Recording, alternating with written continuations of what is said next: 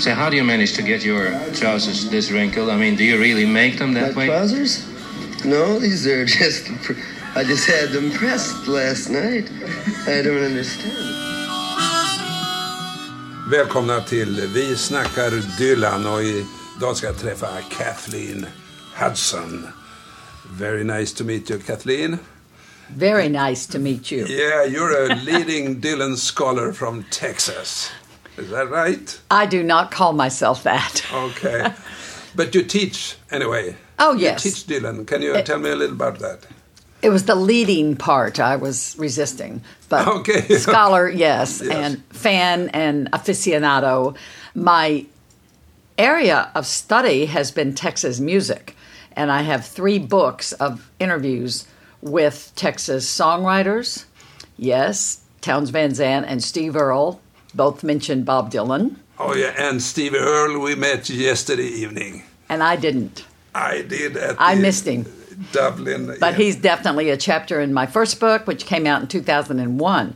My second book of interviews with women, um, Carolyn Wonderland, an amazing guitar player, she told me a story about Dylan coming to Houston and then called her up to jam with him. And she and I were trying to figure out which Texas musician told Dylan about Carolyn because somebody told him about her. So that's a conversation. And then my third book, Mexican American Voices in Texas Music, I was at the uh, Montreux Jazz Festival when Dylan was playing, and Flaco Jimenez was there, and I was sitting backstage with Flaco from San Antonio, and they came in. They said Dylan wants to talk to you, so I didn't get to go, but Flaco went, and he ended up being on stage with Dylan. So he's an important chapter in my third book. I don't think he's so famous for uh, Swedish. Uh, who is Flaco? Oh, Flaco Jimenez is so famous. He's in the you know National Hall of Fame. He's a he's a United States treasure. He took the accordion from his father, the German roots in Texas, and his father was traditional. And Flaco took it to new levels. Flaco, I think, is recorded with the Rolling Stones. Flaco has brought the accordion into music, and, and Dylan called him up and wanted him to play with him. He is the name in um, Tejano music. Okay. You're teaching. What do you teach? You have students who, go to a course for you with you. I do. I've, I've been at Schreiner University in Kerrville, Texas for 35 years, and I've been in the English department, and I teach creative writing, and I teach literature and world literature, and I teach the Greeks and the Romans, and I uh, started a new class last year uh, featuring Bob Dylan. Okay. And that was amazing. You know, 2016 Nobel laureate. So Yeah. with that, my classes have opened up and I have started weaving in some aspect of Dylan's work. Yeah. My freshman writers looked at the song The Times They Are a Changing and applied it to their own personal life Oh yeah. and applied it to the culture now. So for me, it's not digging around to find out more about Dylan. It's using Dylan to dig around and find out more about who we are. Do they? Yes, absolutely. I have. Sounds like therapy to me. well, Better start funny. swimming or you no, sink like a stone. Funny you should say that because I had my students uh, in their journal write a letter to themselves when they were a child, and one of them backed out of my class going, "I didn't know this was going to be therapy." okay. and like when I teach Kafka, um, I have them all become a character in his story, Metamorphosis, and then they write as if they are that character. Yeah. Well, that just opens up doors on alienation. yeah. And I had a young girl get up that the nobody in the class this liked. short story, isn't it? The what?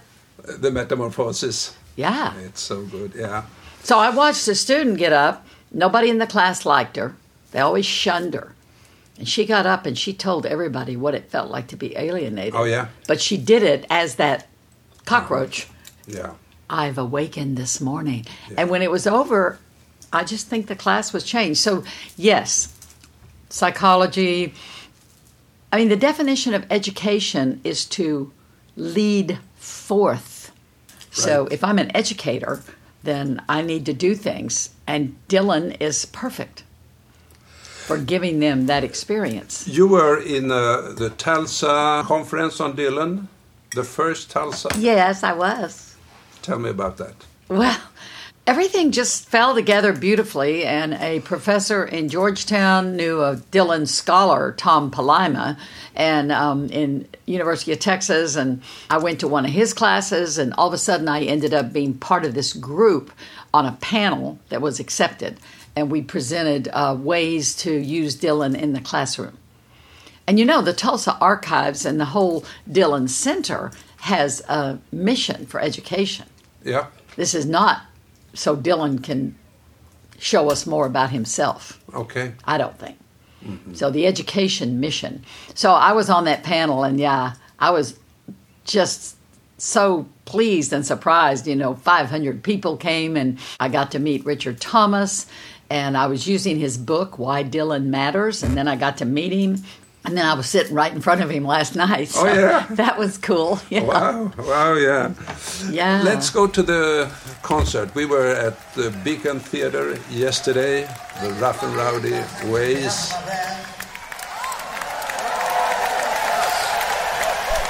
drums is Charlie Drayton.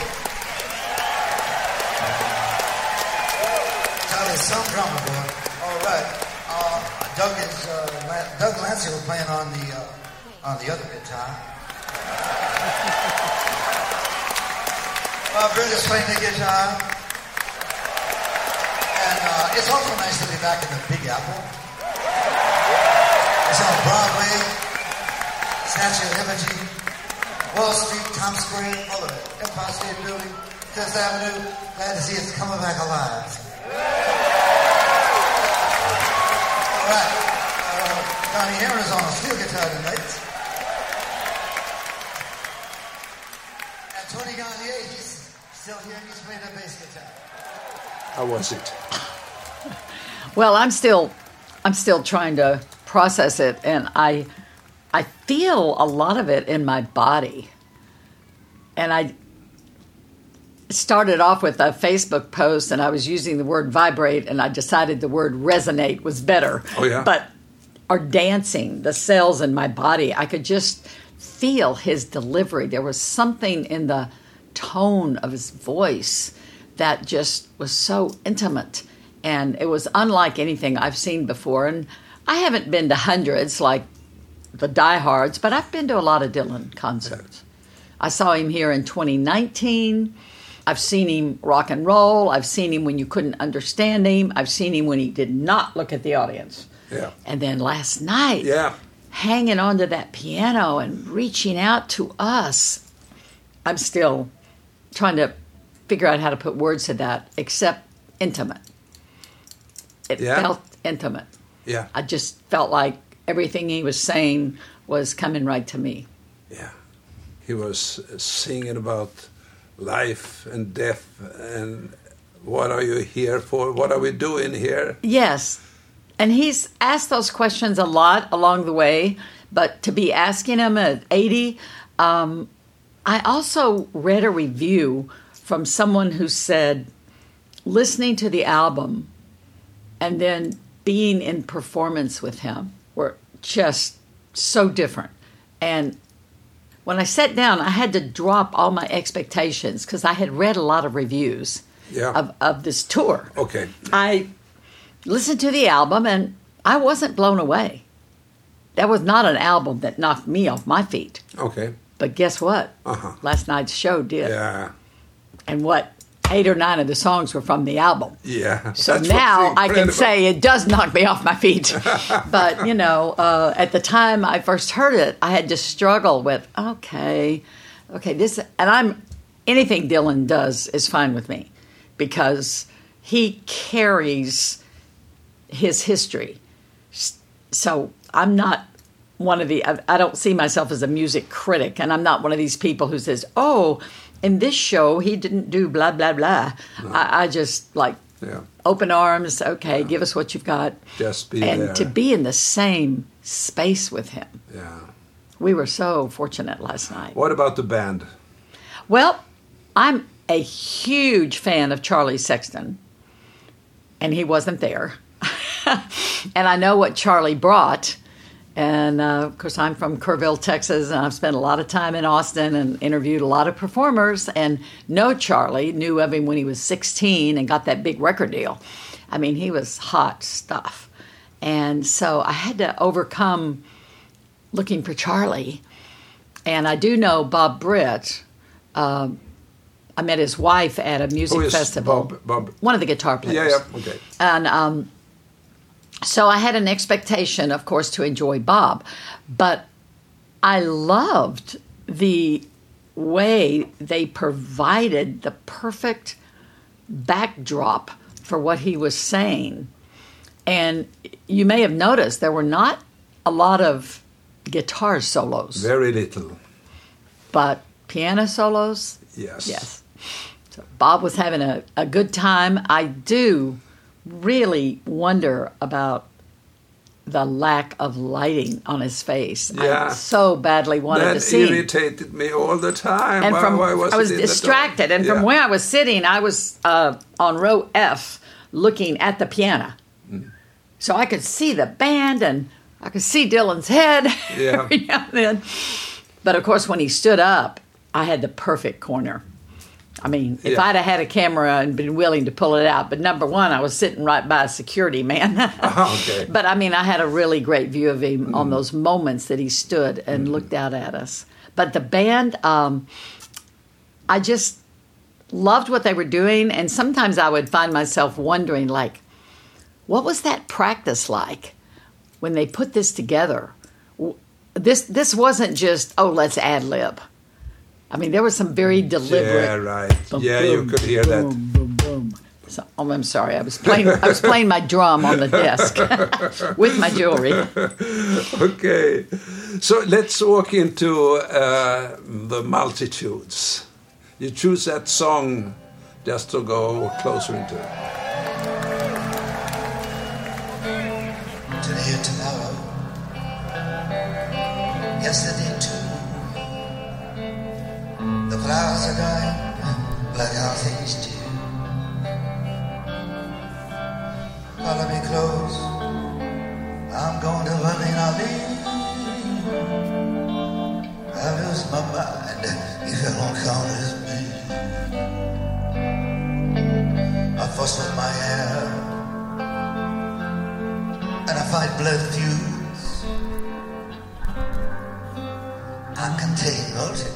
I chose that song quickly because I am a Walt Whitman fan, and because I had the opportunity to study at Naropa, and that was the Jack Kerouac School of Disembodied Poetics, and I took two What is workshops. Kerofa- what- Naropa. Naro- what's that? Naropa. It's a Buddhist school in Boulder, Colorado Okay. and it was started by a Buddhist monk, and it became the Jack Kerouac School of Disembodied Poetics. And then um, I took two workshops with Allen Ginsberg. Yeah. So if you're with Allen, you're with Whitman. If you're with Allen, you're with Dylan. They just were all Yeah. woven into my experience of literature. And um, Whitman and his free verse and his his way of putting words together to not just to capture uh, the experience of a culture, but also, you know, I contain multitudes. And it's almost a quote I use to describe myself. I mean, I, Yeah. I joke with my students. I mean, I used to train horses. Yeah, yeah. I was like a cowgirl in Fort Worth, Texas, and I have those pictures in my office. And I, you'll get a kick out of this. The first day of school, I have all my students walk in my office and look at all my pictures and travel and books and Kathy Cowgirl, and then they pick one that they connect with, and then they come back and they write me a letter about how we're alike. Oh, very interesting. It makes the semester It's- totally different. Starting of a training, and you just started with, oh, wonderful. So I have um, a sense of containing multitudes. Yeah. So when I read Whitman, you know, do I contradict myself? Yes, I contradict myself. I contain Can you, can you uh, give us some context about this, uh, the Whitman poem? Well, um, I don't even know the biographical history of it without going back. Um, I mean, But you know, it's in his Leaves of Grass Yeah. and, and Songs to Myself. Yes, Yeah. yes. And um, he just was such an important American poet because he changed things. It's like Jack Kerouac. I mean, you can read on the road and say, well, I can write like that. But you didn't write like that at that point of time in American literature. Everybody was writing this way, and then Kerouac writes this way. And I think Would you say that he was up. more down to earth, more make it simpler, or Well, yes, uh, the free verse takes away the structure and it gives the words a chance to flow uh, like the river. Dylan's first song last watching, night. watching the river flow? Yeah, you But- th- that was a Whitman. Yeah, Whitman song. You could So, um, But anyway, back to multitudes. yeah, he starts out the flowers are dying like all things do. Yeah.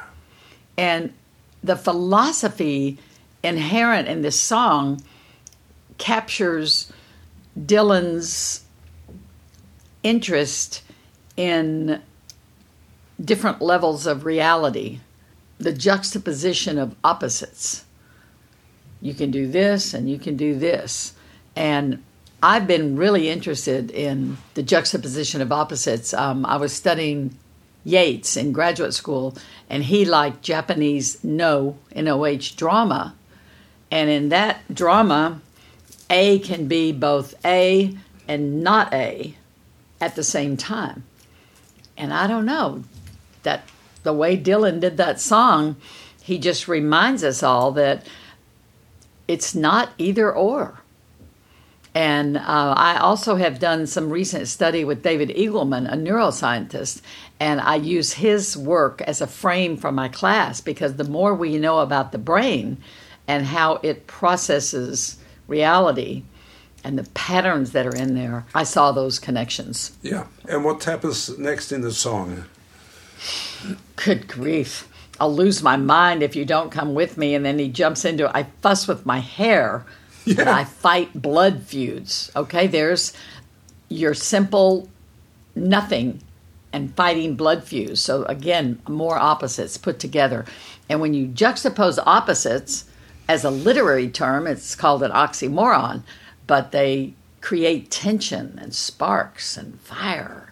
I just know as I've moved into more years on this planet later in life, I become more and more aware about the bigger picture.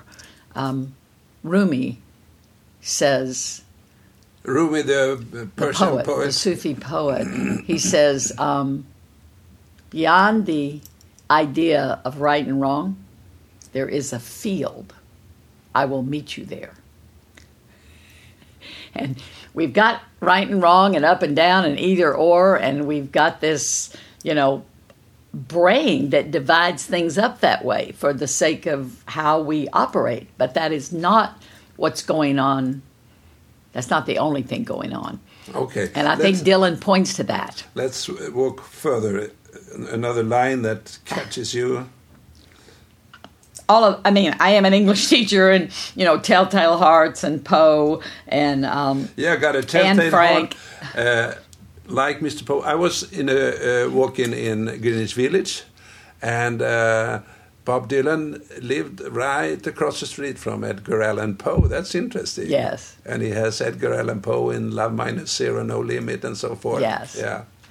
I don't know how Dylan possibly had the time to read all the books that he alludes to.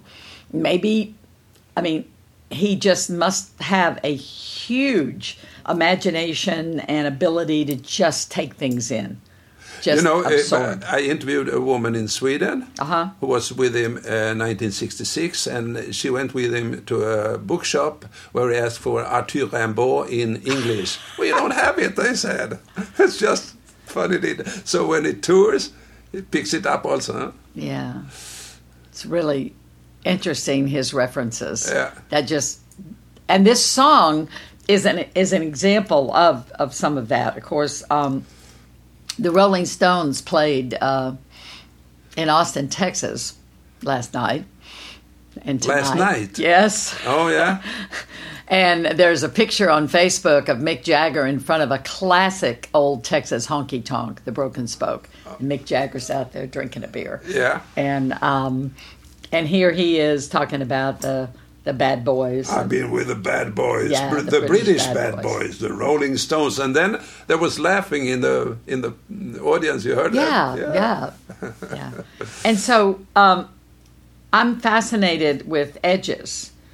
And he says, I go right to the edge and the end. Then he says, I go right where all things lost are made good again.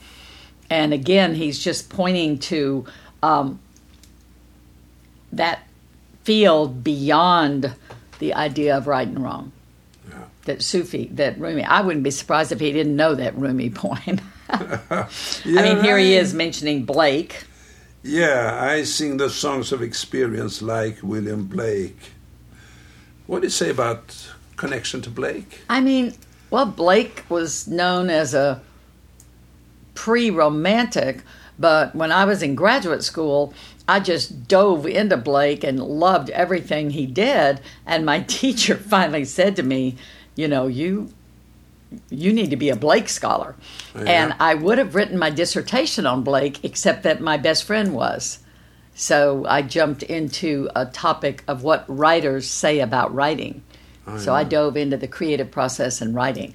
But Blake, songs of innocence, songs of experience, there's your juxtaposition juxtaposition of, of good and evil and um, little lamb who made thee and tiger tiger burning bright The, the, the last song in the concert yesterday was uh, Every Grain of Sand. yeah And that connects to Blake, doesn't Yes. it? Yeah.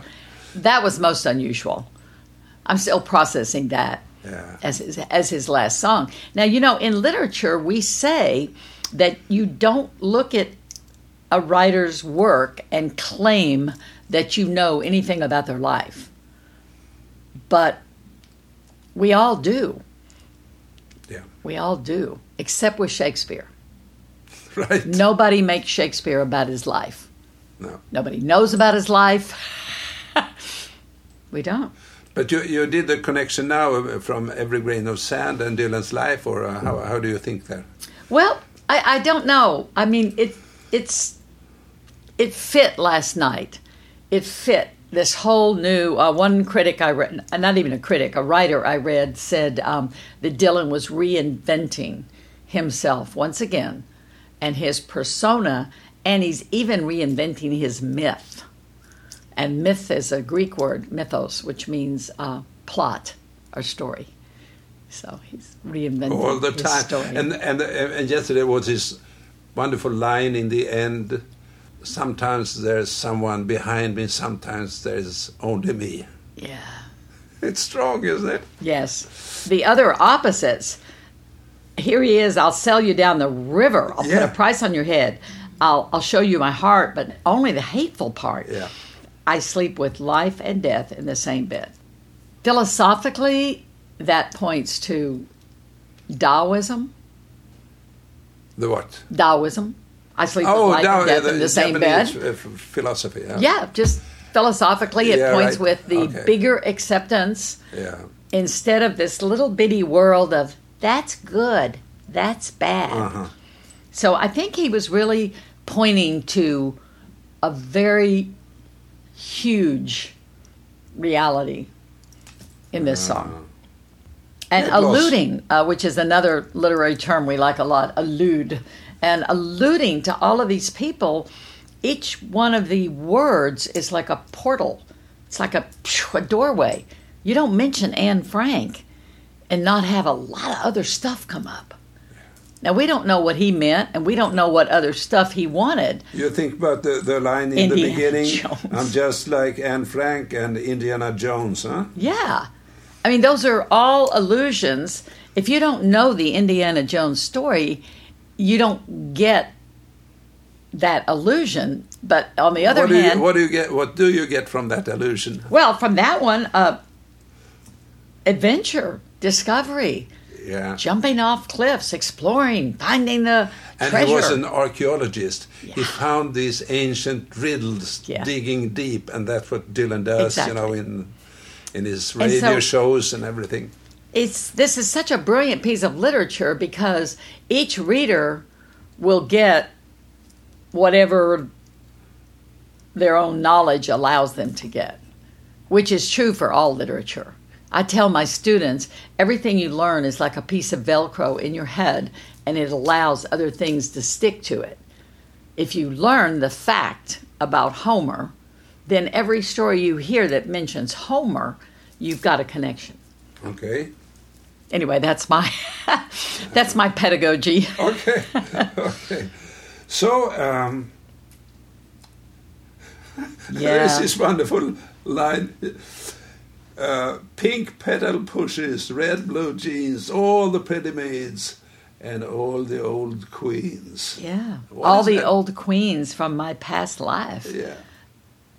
Are- you, are we you gonna- know pink petal, petal pushers? That's kind of pants that Uh-huh. girls had. Or, yeah they're short yeah, it was 50s 1950s yeah. Piratbyxor I hated them. Swedish. i hated them you did. i didn't wear pedal pushers very Okay, often red blue jeans i could have worn Uh-huh. it's one way to talk about a song in a subjective manner, like how it touches me personally. The critics who label themselves music critics make a choice to be as objective as possible and keep themselves out of it. And then they can point to, okay, it's five stanzas long and the rhythm is iambic pentameter. And uh, that's important too. But I used to write a newspaper column and I had my picture on it. And I told my students, I said, I'm not a music critic. Yeah. I'm not being objective. I mean, you can tell from talking to me, uh, I drop into subjective pretty quickly. This is how I feel. And then you make what you want of it. Now we're uh, uh, closing in here in the end. uh, And here comes Beethoven and Chopin. I'll keep the path open. The path in my mind. I see to it that there's no love left behind. I play Beethoven's sonatas, Chopin's preludes.